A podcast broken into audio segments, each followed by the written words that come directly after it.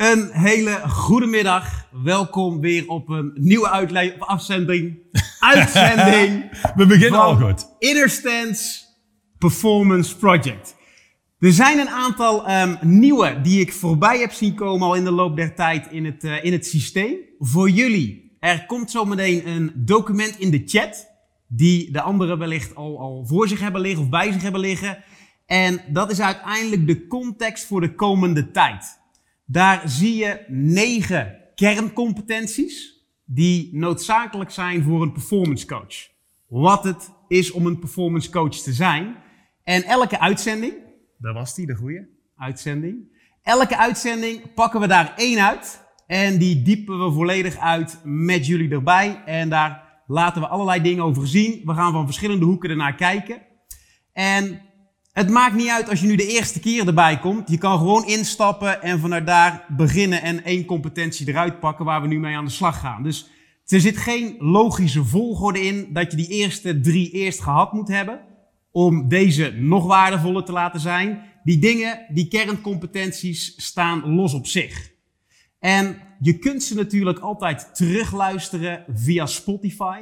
Daar staan ze ook in. Er zijn een hele hoop mensen die luisteren ook vanuit Spotify deze uitzendingen terug. Um, om een klein beetje context te geven voor de nieuwe onder ons. We zijn begonnen met brutale eerlijkheid. Dat is iets wat noodzakelijk is om effectief te zijn als een performance coach. Die keer daarna hebben we stilgestaan bij inner stance. Dus in verschillende domeinen, gebieden, een noodzakelijke identiteit of inner stance kunnen en willen aannemen om impact te maken. En voor degenen die vorige week live aanwezig waren, hebben wij de hele sessie stilgestaan bij het onderdeel commitment. Vandaag, in deze uitzending, staan we stil bij financieel welzijn. De kerncompetentie. En uiteindelijk, wat een performance coach doet en wie die is, is die heeft verantwoordelijkheid voor zijn of haar eigen financiële welzijn. Goed gezegd. Ja. Dat dacht ik ook. En um, om daar mee van start te gaan, de enige echte die absoluut van alles kan laten zien over financieel welzijn, de killer als het gaat om performance coach. Jullie hebben hem al zien staan naast mij, Johan van der Put. Dus bij deze, Johan. Ik dacht heel, uh, heel even, er komt een gastspreker waar ik niks van af weet. Maar het is aan mij om dat uiteen te zetten. Um, laat ik beginnen bij het begin. En waarom is het belangrijk om inzicht te hebben in de kerncompetenties van een performance coach? Dat is wel belangrijk, want als je hier de eerste keer bent, dan denk je, waarom is het voor mij van belang? In de huidige tijd, als je coach bent en in deze nieuwe wereld, weet één ding, niemand betaalt in de kern voor coaching. En niemand betaalt je voor een aantal uren met hem of haar te werken. Mensen betalen in deze nieuwe wereld voor één ding en één ding alleen, en dat is resultaat. Dat is het enige wat telt. Als het aankomt op performance coaching. Nou, een van de zaken is, als we heel eerlijk gaan zijn, en dat doen we heel graag, dat is een van de kernvaardigheden en kerncompetenties van een echte coach. 80% van de mensen die zich coach noemt, of trainer, of consultant, die bevindt zich niet eens in het spel, want die kunnen niet voldoende genereren om rond te komen van hun business. Dus die hebben geen verantwoordelijkheid genomen voor hun financiële welzijn. Dus dat is belangrijk, 80%. Dan heb je nog een heel groot deel, wat misschien net aan rondkomt. Dat is nog steeds iets anders als een echte business run. Een business zorgt ervoor dat je, als je 65 bent, daadwerkelijk met pensioen kunt. En de meeste van jullie die nu online zijn, tegen de tijd dat je 65 bent, zou ik er niet van uitgaan dat er een heel um, sociaal stelsel is, wat ervoor zorgt dat jij voldoende hebt om gewoon door te kunnen gaan. Uh, met, ik wou zeggen, gewoon door te kunnen gaan met je leven. Dat zal wel het geval zijn. Maar financieel zul je het zelf moeten redden. Dus een business zorgt voor je woning, het kunnen rijden van een auto, je vakanties en alles wat je daarnaast wil. En dat is toch voor een heel groot deel belangrijk voor de kwaliteit van je leven. Dus financieel welzijn is zeer belangrijk voor een coach. Namelijk, een coach draagt over wie die is aan de ander.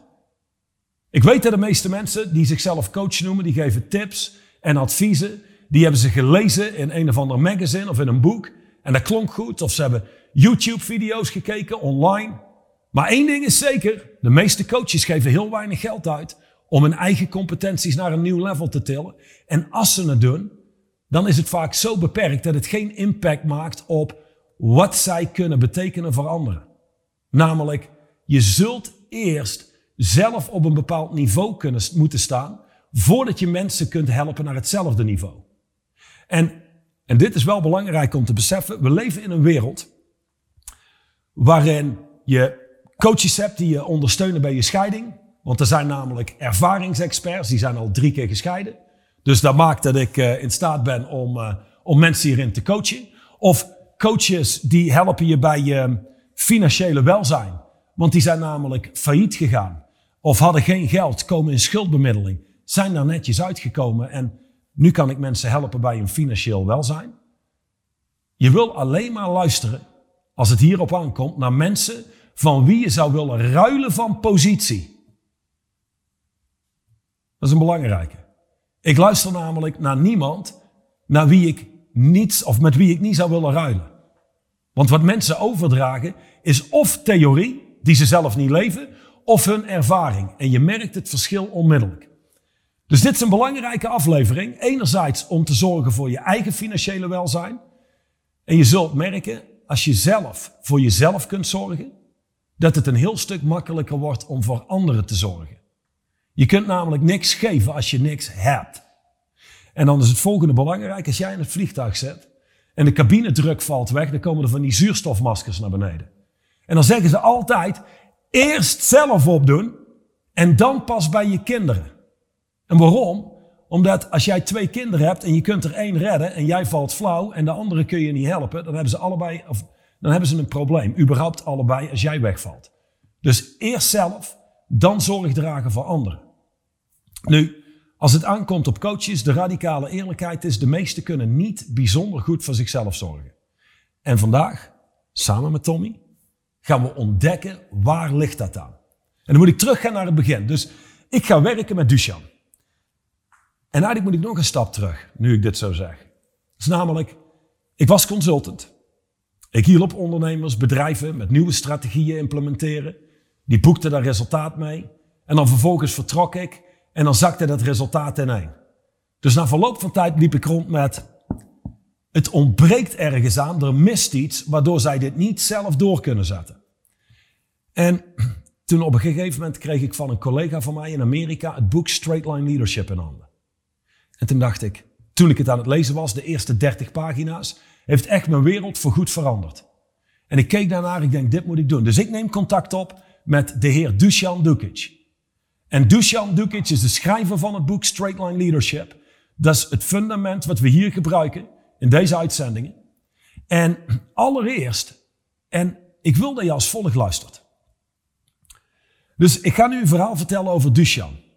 En aan de ene kant zou je kunnen luisteren vanuit, hmm, wat kan ik hiermee voor mezelf? Dat is belangrijk. Anderzijds waar je nou wil luisteren is, Duchan is een coach. Waarschijnlijk net als een hele hoop van jullie.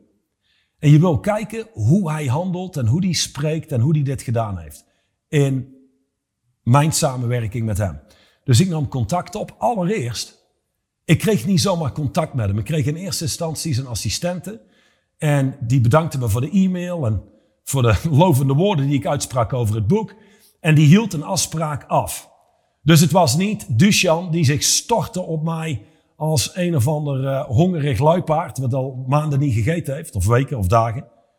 Nee, überhaupt, het was moeilijk om hem te spreken te krijgen. Vervolgens, ik zal je lang verhaal besparen, kom ik in contact met hem en kom aan de telefoon. En ik had zijn website gelezen en ik had zo het idee, ik denk dat het 50.000 dollar kost om met hem te werken. Wat ik een absoluut vermogen vond op dat moment. En vervolgens zit ik in gesprek en het was geen 50.000 dollar om met hem te werken, maar 175.000 dollar. En ik kreeg de mogelijkheid om dat te doen. En toen vertelde ik een hele mooie leugen aan het einde. Ik zei, ik ga erover nadenken en ik kom er bij je op terug. En hij heeft ongetwijfeld daar nog iets over gezegd. Maar we hebben vervolgens opgehangen. En ik had totaal niet de intentie om contact op te nemen. Aangezien ik de geld niet eens had. En ik dacht, hm, ik heb nog nooit gehoord van coaching van 175.000 dollar. Maar het gesprek bleef zo in mijn hoofd zetten. Dat ik denk ik na drie, vier maanden contact opnam en dacht ik moet dit gaan doen. Dus ik neem contact op. En in eerste instantie dacht ik, weet je, als ik nou gewoon een voorstel doe. 50.000 euro. En meer kan ik, kan ik en wil ik niet betalen. Dat kon ik ook betalen op dat moment. Na een hoop hard werken. En toen zat ik eenmaal aan de lijn met hem. En ik durfde het niet eens ter sprake te brengen. Dat voelde echt alsof ik naar een Mercedes dealer ga. Je kijkt naar de S-klasse van 200.000 euro. Maar je schopt de keer tegen de band aan. En dan zeg je, weet je, ik neem hem mee voor 50.000 euro. Ja, dan zie je eruit als een klein kind. En ze nemen je niet serieus. Dus nou, er gebeurde daar aan het einde van het gesprek maak ik een commitment om dat te doen.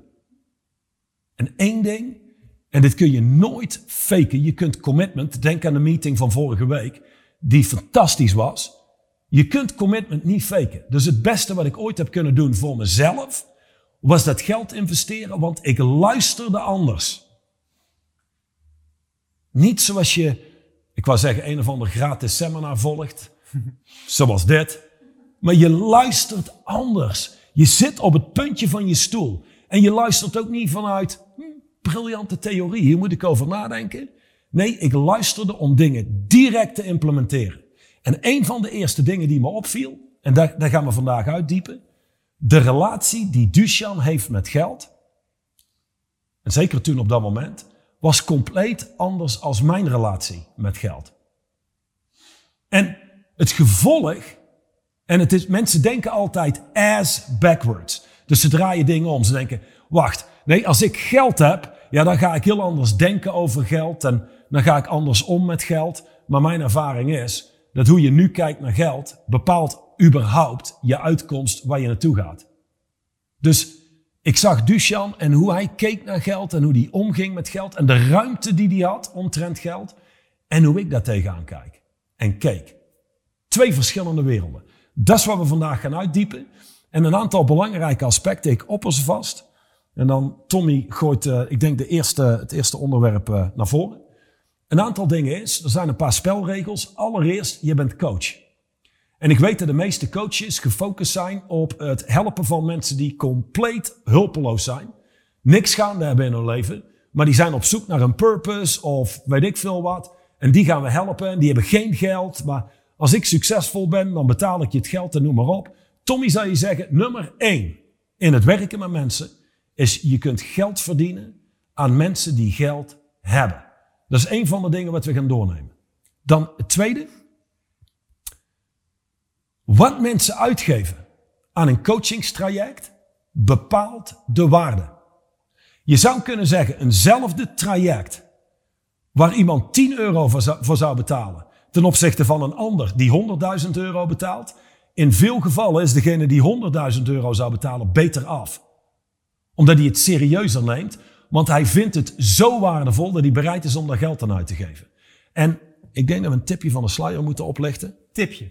Hoe mensen uiteindelijk kunnen zorgen dat een traject ook echt waardevol is en waardevol verschijnt voor mensen, zodat ze ook geld willen uitgeven. Want één ding wat jullie niet weten, um, Typ, typ eens even wie is personal trainer in de chat. Sowieso Jack. Goeie krachtige naam. Jack. Wat is je naam? Jack. Jochem. Oké, een hele hoop. Um, ik kan je één ding zeggen. Als het aankomt op deals sluiten voor personal trainers. En, en één ding is wel belangrijk. Want je kunt ook compleet overboord gaan. Gewoon niet competent zijn en een hoop geld vragen. En dan krijg je een hoop problemen. Hetzelfde als iemand die een auto verkoopt die niet goed werkt voor veel te veel geld. Daar komen mensen op terug. Dus dat is geen duurzaam businessmodel. Maar ik kan één tipje van de sluier oplichten. Um, en misschien zit ik ernaast en dan laat het me zeker weten hier in de chat. Maar Tommy werkte in de tijd dat jij um, ja, studio-eigenaar was, personal trainer was, met eigenaren van bedrijven. Die hebben over het algemeen ook wat meer geld tot hun beschikking. En ik denk niet dat ik ooit iemand gehoord heb die een grotere deal heeft gesloten dan Tommy. En dit is alleen maar bedoeld, niet om op te scheppen of om arrogant te zijn, maar om jullie speelgeld, speelgeld, dat is wel wat je daarna krijgt. Maar om jullie speelveld te vergroten, om jullie scope en jullie relatie met geld wat, wat aan te passen. Ehm, Tommy sloot een deal, ik denk dat dit 2016 was, van 100.000 euro met één persoon voor een traject van een jaar, waarin hij een jaar lang intensief begeleid werd. Met daarbij het belangrijkste deel van zijn MT-team, wat ook mee ging trainen. En het belangrijkste van dat hele traject was de coaching die zij ontvingen tijdens dat traject. Nou, dat gezegd hebben, de Tom, jij bent hier de leider. Um, waar gaan we het over hebben? Um, ik denk dat het wel goed is om een klein deel daar nog over uh, te, te, laten zien, of in ieder geval uh, jullie te laten ervaren. Er zijn heel vaak van die dingen die voorbij komen, hè, naarmate je waardevol bent en waarde kan genereren. Dan hoef je je niet druk te maken om het financiële welzijn van jezelf als ondernemer of binnen je bedrijf. En dat klinkt helemaal tof en dat klinkt fantastisch. Maar uiteindelijk zijn dat wel een aantal dingen die net tussen neus en lippen doorgevallen zijn. Want als jij bekwaam bent in wat je doet, als je een absolute professional bent, dan maakt dat impact überhaupt op de kwaliteit van het leven van de mensen waar je mee werkt en daaromheen. Dus wij zijn toen die tijd begonnen met één op één trajecten. Hè. Denk aan privé trajecten, aan ondernemers. Je kunt geld verdienen aan mensen die geld hebben. Zo simpel is dat. Dus wij legden vooral de focus op het coachen, het trainen van ondernemers. En die ondernemer waar Johan net over sprak, die zat in eerste instantie bij mij in een traject, eh, één op één, waarbij het coachingselement in eerste instantie zoiets is wat ik dacht van ja, laat mij maar gewoon trainen, laat mij maar gewoon... Hè, ik heb het niet nodig. Ik heb het niet nodig, geef mij maar gewoon wat voedingsprogramma's, dan komt het wel goed. Coaching is meer wat voor mensen die stress hebben, een burn-out. En letterlijk wat hij zei, ja, wellicht voor vrouwen dat het goed werkt, maar dat heb ik niet nodig. Totdat hij ging zien dat dat één uur coaching in de week, hè, want daar spreken we over, los van de twee fysieke trainingen, voor hem een hele wereld opende met waar die dingen ging zien, waar die verantwoordelijkheid moest pakken en het niet deed. als het gaat om het fysieke stuk, als het gaat om VDS, als het gaat om hoe effectief die kan zijn binnen zijn bedrijf. Dus één uur coaching moet de rest van de week heel veel impact maken. En dat bedoel ik te zeggen met ben briljant in dat wat je doet. Laat iemand vooral hè, die ervaring hebben. En dan is geld in dat inzicht niet heel veel het probleem meer. Dus hoe meer impact je kunt maken, hoe waardevoller je bent, des te makkelijker of effectiever is het om geld te verdienen. Waar wil ik naartoe gaan, is die, die ondernemer die ervaart bij zichzelf hè, zoveel resultaat, niet alleen fysiek, maar ook op de meerdere gebieden binnen zijn leven, die stelt mij op een gegeven moment de vraag, God, dit, dit, dit heeft bij mij een behoorlijke shift gemaakt in wie ik ben, hoe ik kijk naar dingen, ook wie ik ben richting mijn team.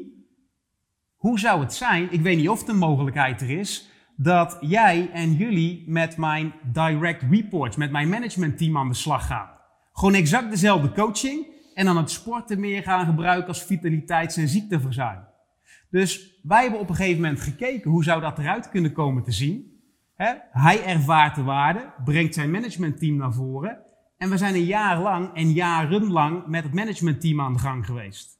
Die werden fitter en vitaler, maar vooral het effect op wie zij waren binnen hun functie, eerlijk, effectiever, zijn in één keer in staat gewoon hè, te komen vanuit een werkbare positie, omdat we daar met coaching vooral op inzoomden. Dus dat rendeerde voor hem gigantisch veel. Uiteindelijk is dat de waarde kunnen genereren bij één iemand, wat een mogelijkheid creëert op veel grotere gebieden. Dus... Ik, ik, ik ga er meteen op insteken. er is een coach, woont in Arizona, is geen, geen business coach, werkt wel met name met ondernemers. Als je met hem zou willen werken, betaal je voor een jaar minimaal 200.000 dollar. Je kunt het zo lezen op zijn website. En heeft meer dan voldoende cliënten. Als je nog niet geïntroduceerd bent in die wereld en dat is nieuw, dan, dan denk je bijna dat is een grapje of niet waar of iets in die richting. Maar hij zou je zeggen, hoeveel is iets waard? Ik bedoel, ik ken een hele hoop mensen die hebben geen geld en die rijden in een auto voor 50.000 euro. Die lenen daar geld voor of die leasen dat, betalen dat iedere maand af.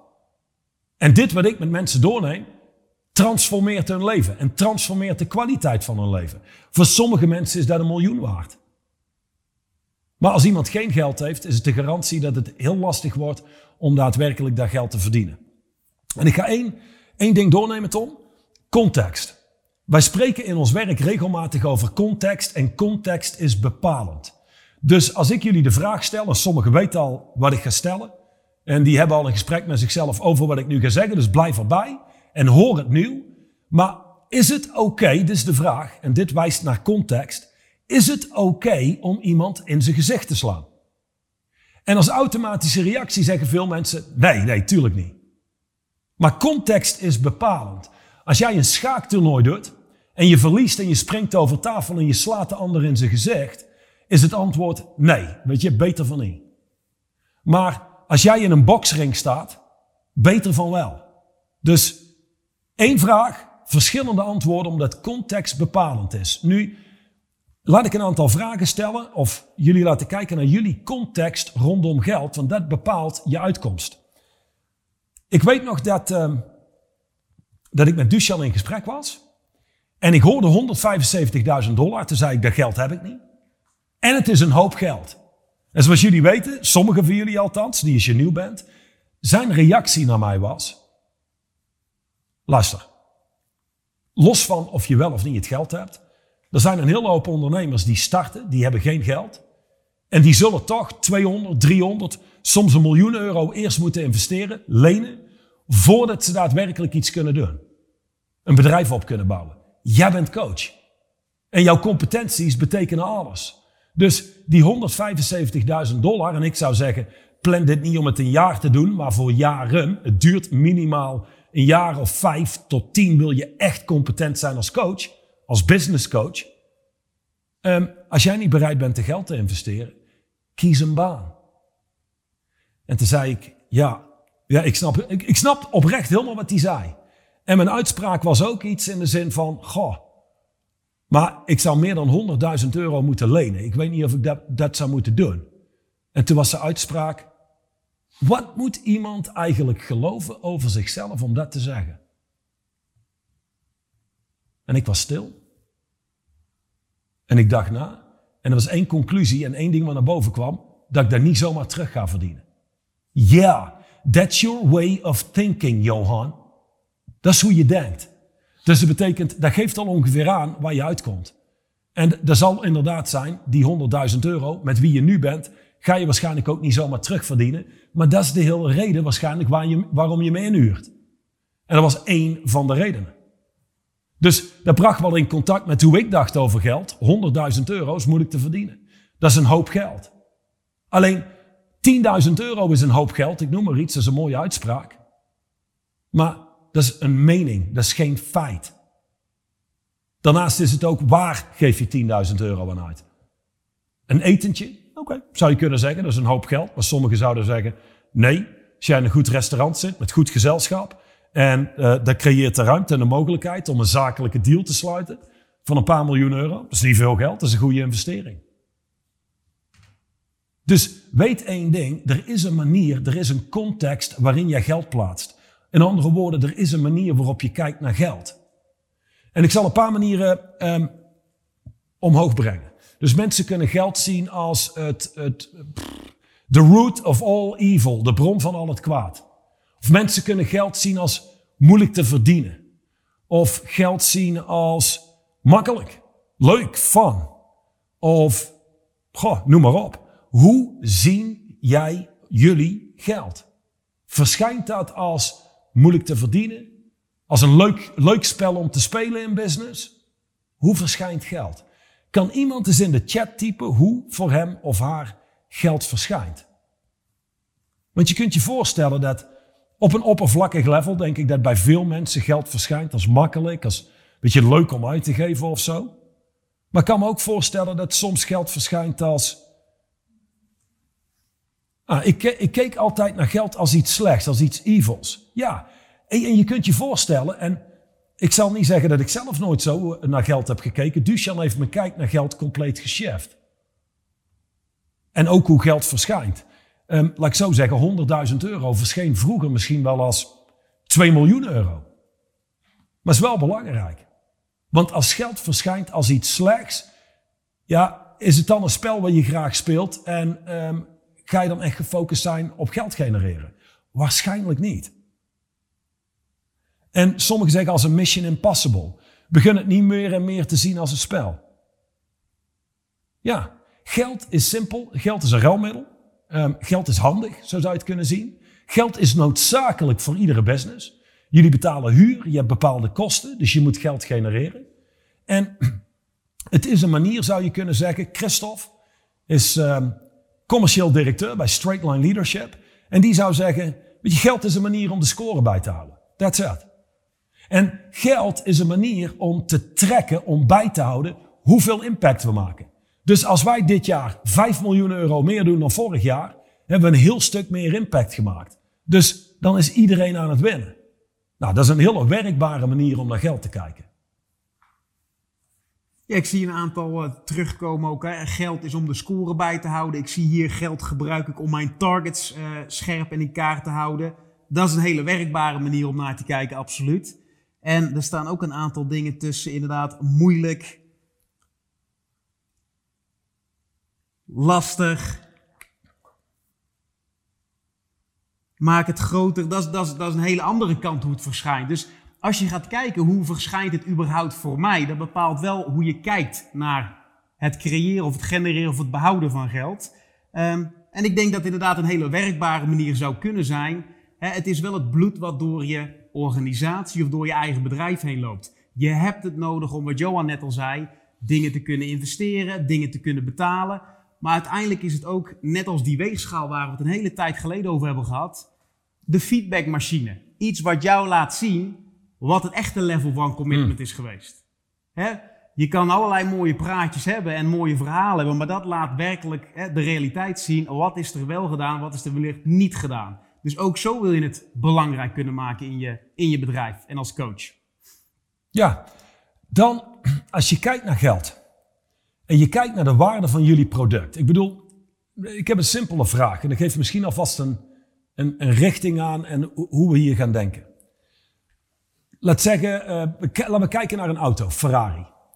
Laat zeggen, voor een gemiddelde Ferrari betaal je vandaag de dag een nieuwe 400.000 euro. Je hebt er die iets goedkoper zijn en degene die nog veel duurder zijn dan dat. Zouden mensen de waarde van een Ferrari anders ervaren als je hem zou kunnen kopen voor de prijs van een Dacia ten opzichte van de prijs die je nu betaalt? Zou dat een verschil maken voor de ervaring? In andere woorden, als iemand jarenlang hard werkt en um, altijd geld opzij heeft gezet, gespaard heeft en het is zijn droom en die koopt hem, die geeft daar 400.000 euro aan uit, zou dat een andere ervaring zijn als dat het iets is, oh oké, leuke auto, maar we geven er 25.000 euro aan uit. Iemand een idee? Ja. Ja, dat maakt een verschil. De waarde neemt af. Ik, zal een simpel voorbeeld geven. Um, misschien luistert hij zelfs mee, ik heb geen idee, misschien niet.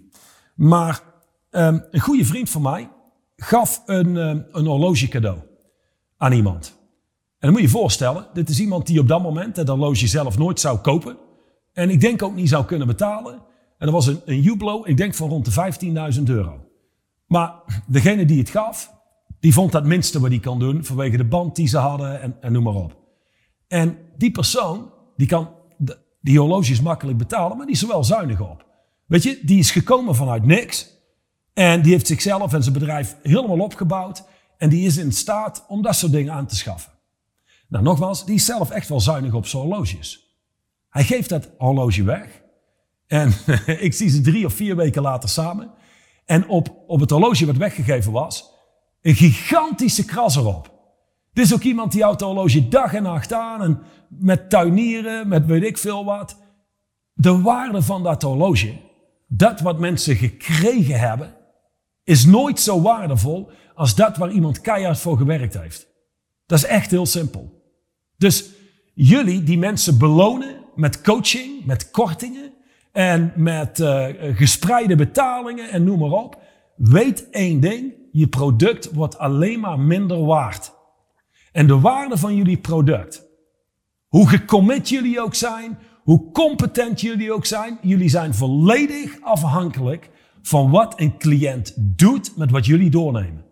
Hoe meer een cliënt toepast en hoe meer een cliënt daadwerkelijk implementeert en doet, hoe meer resultaat die heeft.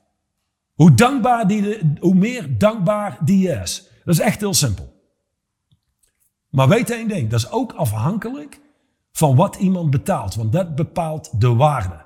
En als jij na gaat denken en je denkt vanuit iemand anders zijn portemonnee, dan kan ik je vertellen, snij je jezelf en de ander altijd in de vingers. Dat is belangrijk om te beseffen.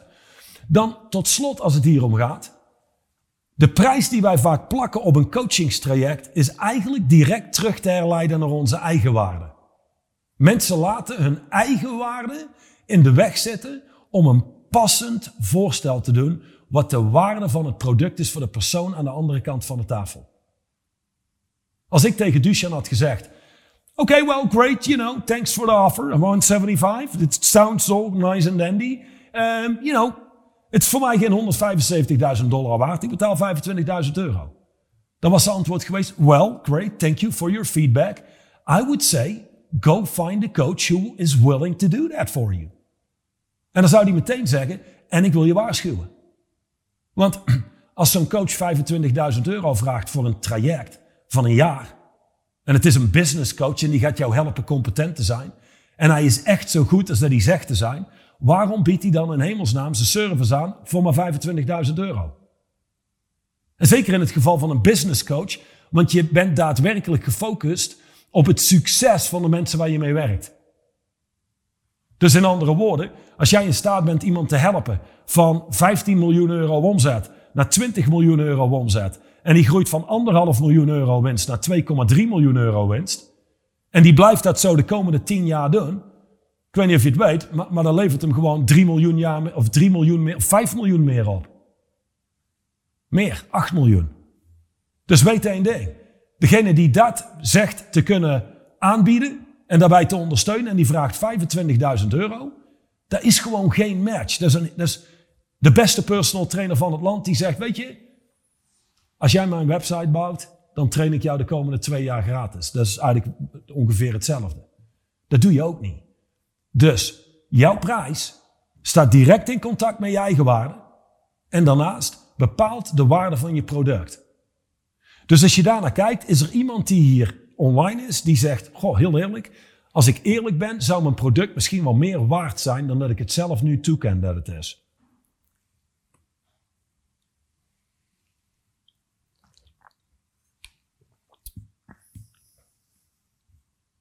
Oké. Okay. Eén simpel verhaal, wat, daar, wat, wat je in contact brengt met hoe je hiermee om kunt gaan. Jochem, Jochem geeft te veel korting. Ja. Oké, de vraag is ook trouwens voor jullie allemaal, dan ligt er ook aan met wie spreek je. Want dan kom ik terug op, je kunt alleen maar geld verdienen aan mensen die geld hebben.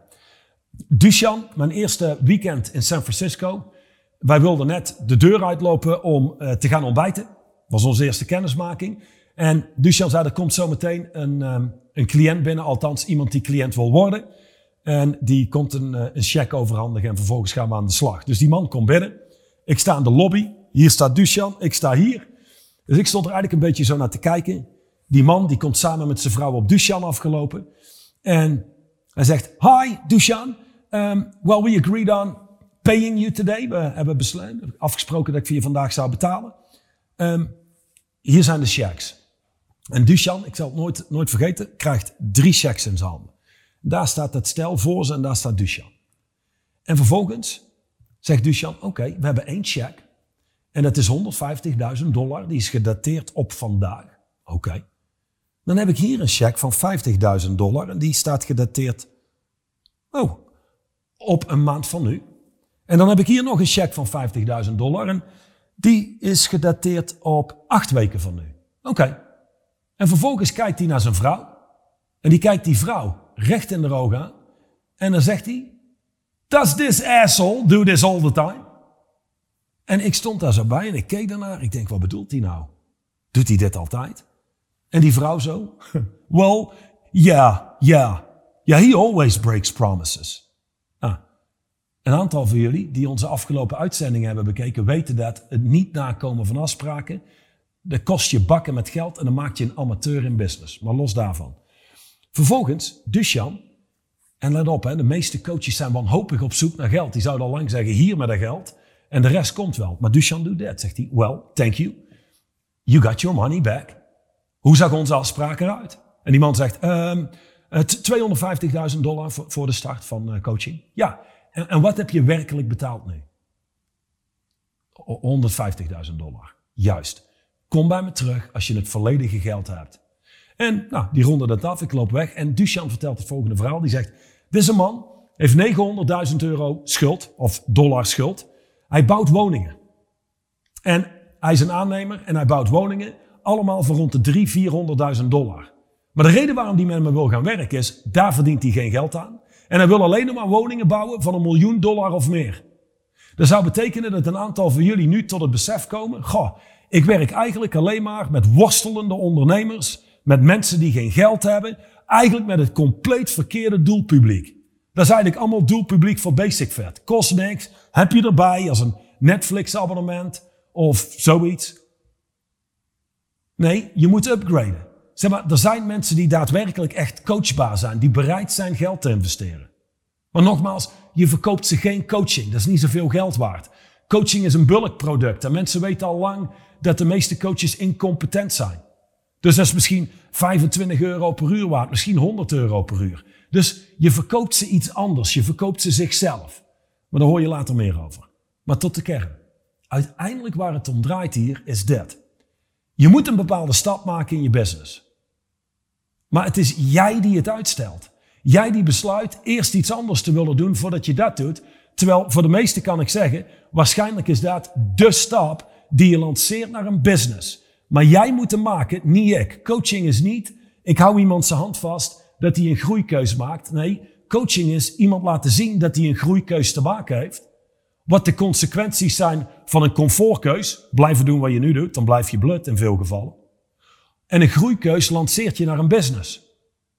Je gaat van hobby naar business. Nu, die man met die woningen. Vervolgens, ik denk, eh, ik heb daar nooit meer iets van gehoord van Duchan. Ik heb alleen dat meegemaakt. Twee jaar later of zo stuurt hij een bericht. Met een brochure met erin gigantische woningen. Maar echt woningen, ik denk dat er geen één goedkoper in stond dan 10 miljoen dollar. Zegt hij, remember this guy? En, en ik kijk naar die brochure denk ik, verdomme, dat is die kerel die twee jaar geleden bij Duchamp voor zijn neus stond. 900.000 euro of dollar schuld had en toch 250.000 dollar investeerde in een coach omdat hij wist, mijn beste denken heeft me hier gebracht. Dat gaat me nooit verder brengen. Dus laat ik hem inhuren, die kan me helpen, want die heeft al al dat resultaat geboekt met mensen. Wat heeft Duchan gedaan? In het eerste weekend dat die gast daar zat, zat ze tegenover elkaar en Duchan zei, luister. Dus je hebt 250.000 dollar betaald voor coaching. Er is geen geld terug. Dat is duidelijk, je hebt daarmee ingestemd. Dat creëert namelijk tussen ons een echt commitment. Als iemand nu een klein beetje betaalt en over twee maanden weer, over twee maanden, goh, weet je, het sporten komt nu niet uit, ik doe het toch een half jaar uitstellen, noem maar op. Je wil commitment. Je kunt alleen maar werken met commitment. Dus ik zou zeggen, als business coach, en wil je het jezelf gemakkelijk maken, laat mensen betalen op voorhand. Je moet wel leveren, anders krijg je een hoop problemen. Dus je moet goed zijn in je werk en leveren. Consistent zijn. Je woord nakomen. Maar wat heeft Duchan gedaan? Nu heb je 250.000 dollar betaald voor coaching. Je krijgt geen geld terug. Dit is onze afspraak. Dit is wat we gaan doen. Vanaf nu bouw jij geen enkele woning meer, los van de projecten die je nu hebt lopen, onder de 1 miljoen dollar. Als jij nog één woning bouwt onder de 1 miljoen dollar, dan moet je me laten weten waar ik het geld naartoe kan storten, want dan stopt onze coaching. En dan stort ik het geld naar een goed doel, naar jouw keus. Want jij huurt mij in om woningen te gaan bouwen van een miljoen dollar of meer. Wanneer we gaan beginnen is nu, onmiddellijk. Dat is wat high-end performance coaching kan doen voor mensen. Die man is onmiddellijk gestopt met het bouwen van die kleine goedkope woningen, waar hij niks aan kon verdienen. Dat is het zijn van een personal trainer voor 25 of 30 euro per uur, of een business coach zijn en 50 of 100 euro per uur vragen. Daar doe je jezelf waarschijnlijk geen plezier mee en de ander ook niet. En je hoeft daarvoor alleen maar te kijken naar de resultaten het resultaat van deze man. En je moet weten wat je doet als coach. En weten met wie je werkt. Dus er zit een hele wereld van competenties achter. Voordat Duchamp tot dat besluit komt. Maar die man heeft onmiddellijk zijn business naar het volgende level getild. onmiddellijk een nieuwe realiteit gecreëerd voor zichzelf. In plaats van dat hij daar drie jaar over heeft gedaan.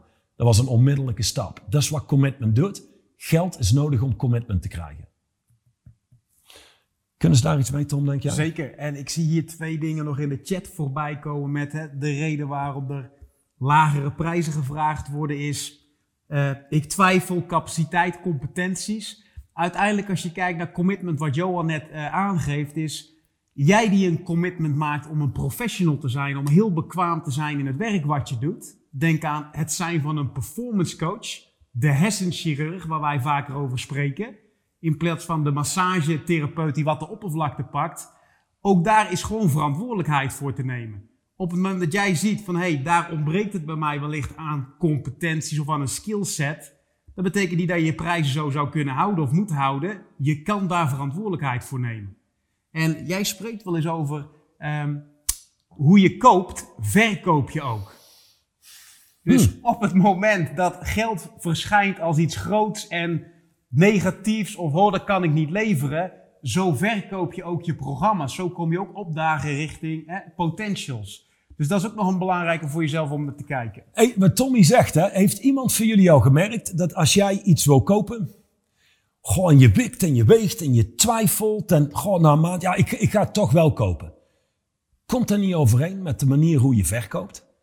Dat mensen het aanhoren en ja, ja, ja, ja, klinkt goed, ja, toch nog over nadenken, twijfel. En dan duurt het misschien een maand voordat ze besluiten te kopen. Als ik kijk, onze commercieel directeur binnen Straight Line Leadership, Christophe Kuppens, hoe hij koopt is of hij doet iets of hij doet het niet. En dat kan in een split second beslist zijn. Maar dat is ook hoe hij verkoopt. Zij zit met iemand aan tafel. Nogmaals, die verkoopt geen coaching, die verkoopt geen coachingsuren of een programma. Hij verkoopt de ander aan zichzelf. In andere woorden, dat wat die ander wil creëren, hoe die zou willen leven en waar het nog aan ontbreekt, hij laat zien wat zijn werk kan doen. En op basis daarvan, de coachingservaring die ze hebben bij hem, zeggen ze of direct ja, of sommigen zeggen, hmm, ik denk niet dat dit iets is voor mij. Ik denk dat dit is toch behoorlijk, denk ik, intens. Ik denk niet dat dit, nee. Oké, niks is voor iedereen, dankjewel. Maar die heeft meteen antwoord van mensen, of ja of nee. En vaak ja, maar dat is ook hoe die koopt. Dus daar zit vaak een overeenkomst in. Als we twijfelend zijn bij koop, zijn we vaak twijfelend bij verkoop. Dat is iets wat mensen niet kopen. Of heeft iemand van jullie ooit gemerkt, ik gooi wat dingen erin waar je iets mee kunt, dat je een voorstel doet aan iemand en terwijl je het voorstel doet, dat je eigenlijk al mentaal een beetje terug aan het trekken bent omdat je bang bent wat ze zeggen. Dat is absoluut killing om daadwerkelijk trajecten te kunnen verkopen. Namelijk, iemand zou kunnen zeggen, ja, als jij er zelf al niet in gelooft. Als jij het zelf eigenlijk al niks waard bent, vindt, waarom zou ik het dan niet waard moeten vinden? Waarom zou ik het dan moeten doen? En dat, dat, komt terug op inner stance. Wie je bent terwijl je verkoopt. Je zou kunnen zeggen, mensen kopen of kopen niet wie jij bent. Dat is, dat is wat ze kopen. Nogmaals, of niet kopen. Hey, we hebben nog um, ehm, 17 minuten. Is dit tot nu toe wat we doornemen? Kunnen jullie daar iets mee of is dit zonde van jullie tijd? Want dan, dan nemen we iets anders door. hey, Peter de Gruil. Heel goed om jou te zien. Ja, ik zie je trouwens niet, maar wel in mijn hoofd nu, nu je naam tevoorschijn komt.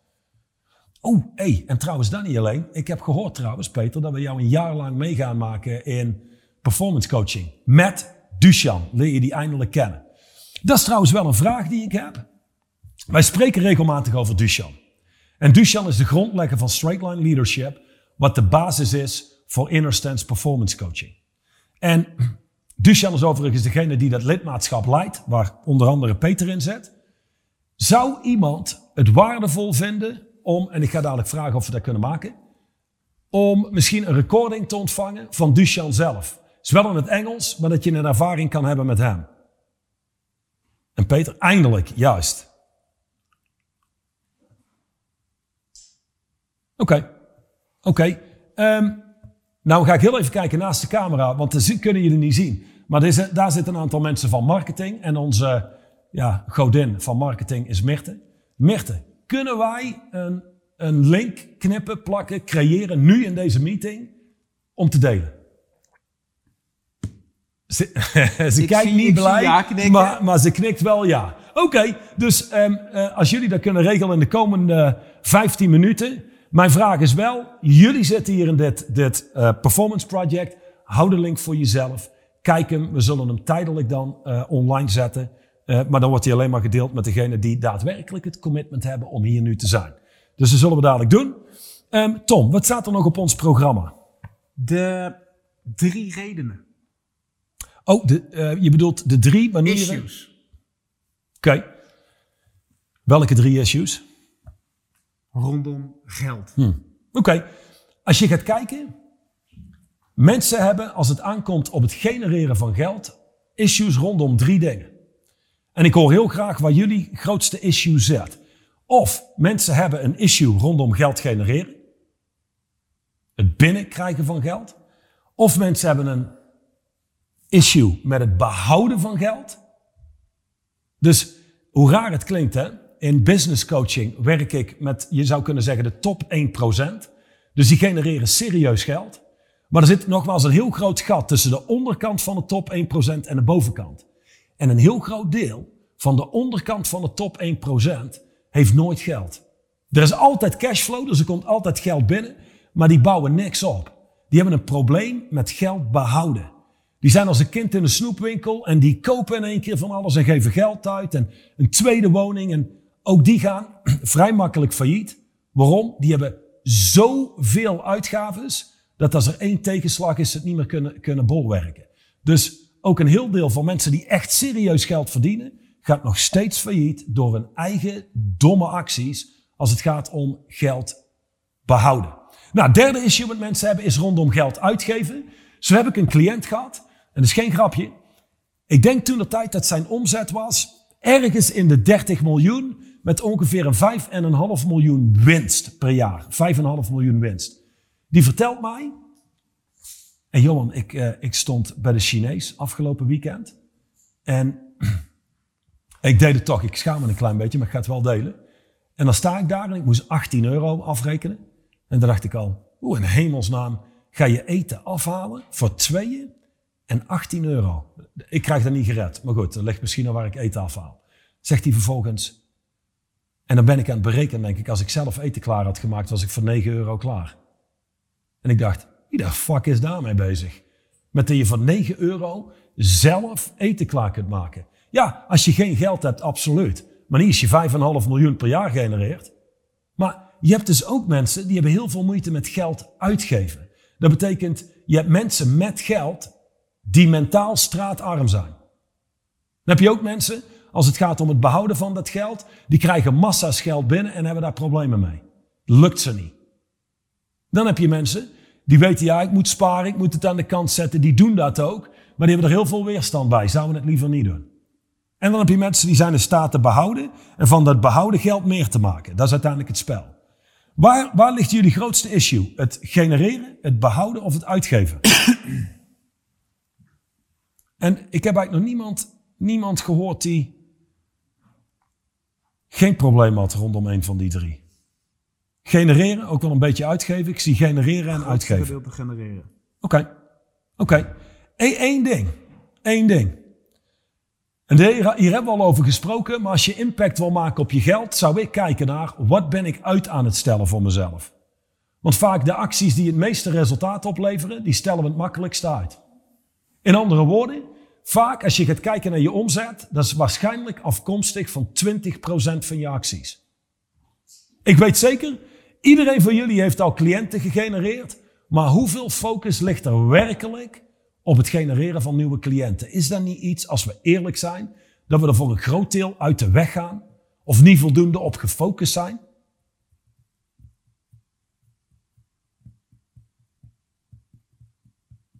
En ligt ook aan je standaard. Maar ik zou zeggen één ding, om van, van een hobby naar een business te gaan. Als jullie denken, goh, weet je, mijn hypotheek is, weet ik veel wat hypotheken zijn, 1000 euro in de maand of 1500 of minder. Maar ehm, ik moet mijn hypotheek kunnen betalen. Dan heb ik boodschappen en we willen één keer per jaar op vakantie. Als ik 3000 euro netto in de maand heb, dan red ik het allemaal makkelijk. Maar één ding, als jij iets groter gaat denken en onderneemt, je, je hebt echt geld nodig om aan de kant te zetten. Waarom? Je hebt een keer een pensioen. Uh, je wil iets opbouwen voor jezelf. Um, daarnaast, je bent een ondernemer. En ondernemers die zullen vaak geld moeten investeren om geld te genereren. De beste investering die ik ooit gedaan heb is in Dushan geweest. In performance coaching.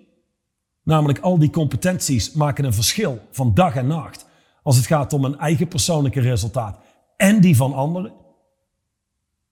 Dus er zijn wel een aantal dingen om rekening mee te houden. Dus um, als het aankomt op, weet je, ik verdien voldoende.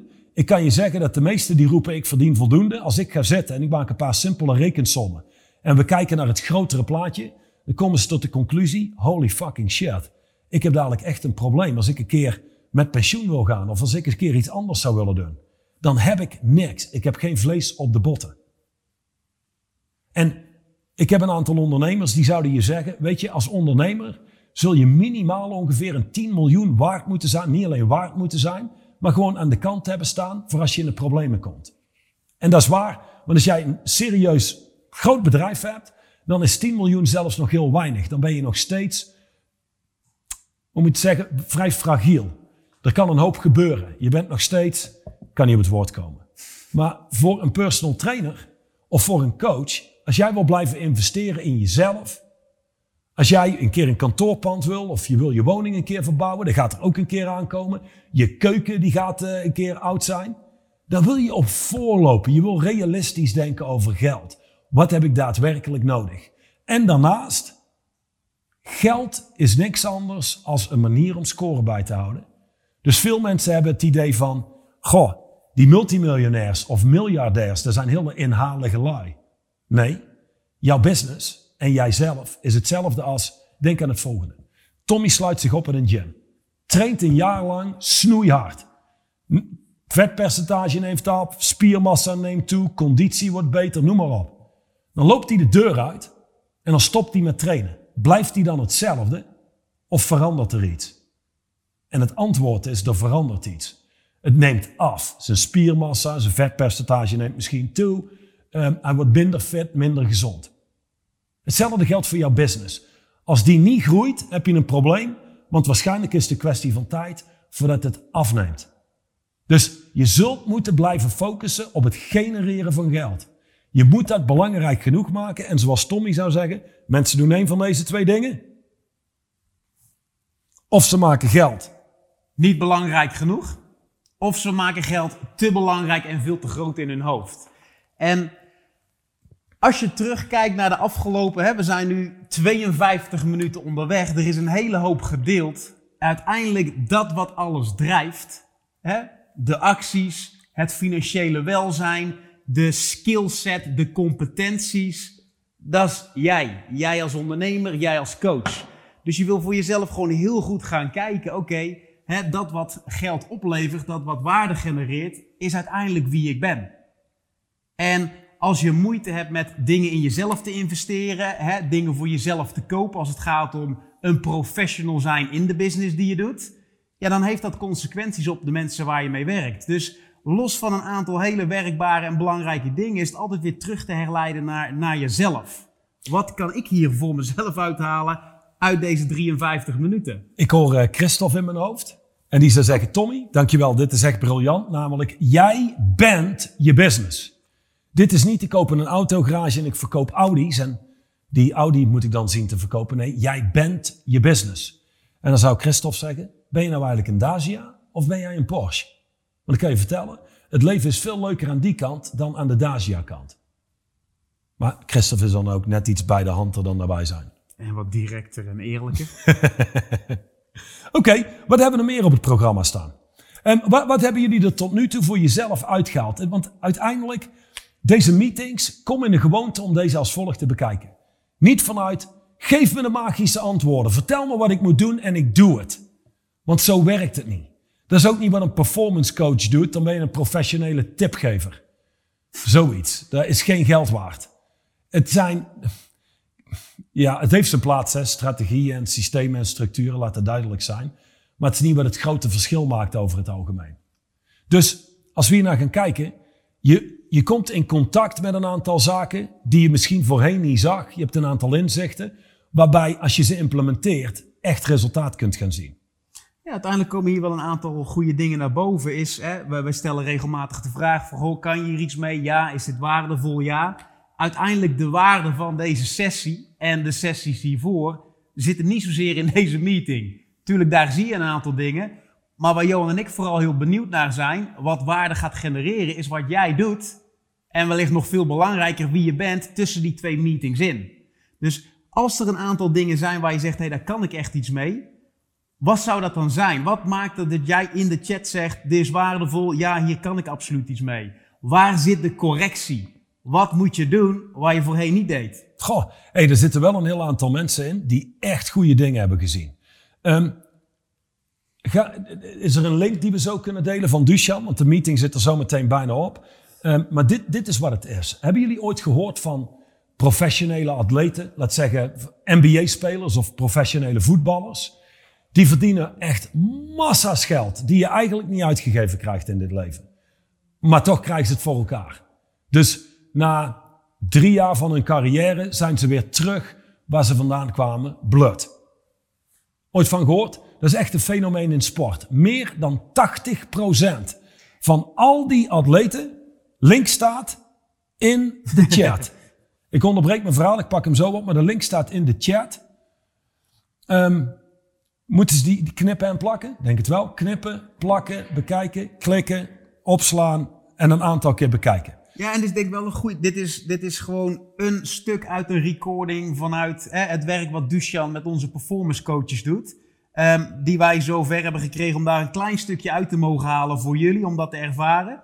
Um, dat is niet een standaard ding of zo wat hier in één keer voorbij komt. Dus um, ja. Ja, nou bekijk dit, doe daar je voordeel mee. Tot slot, die professionele atleten, laat zeggen dat die begonnen zijn vanuit de ghetto. En heel goed in voetbal of basketbal. En vervolgens krijgen ze daar een hele carrière in.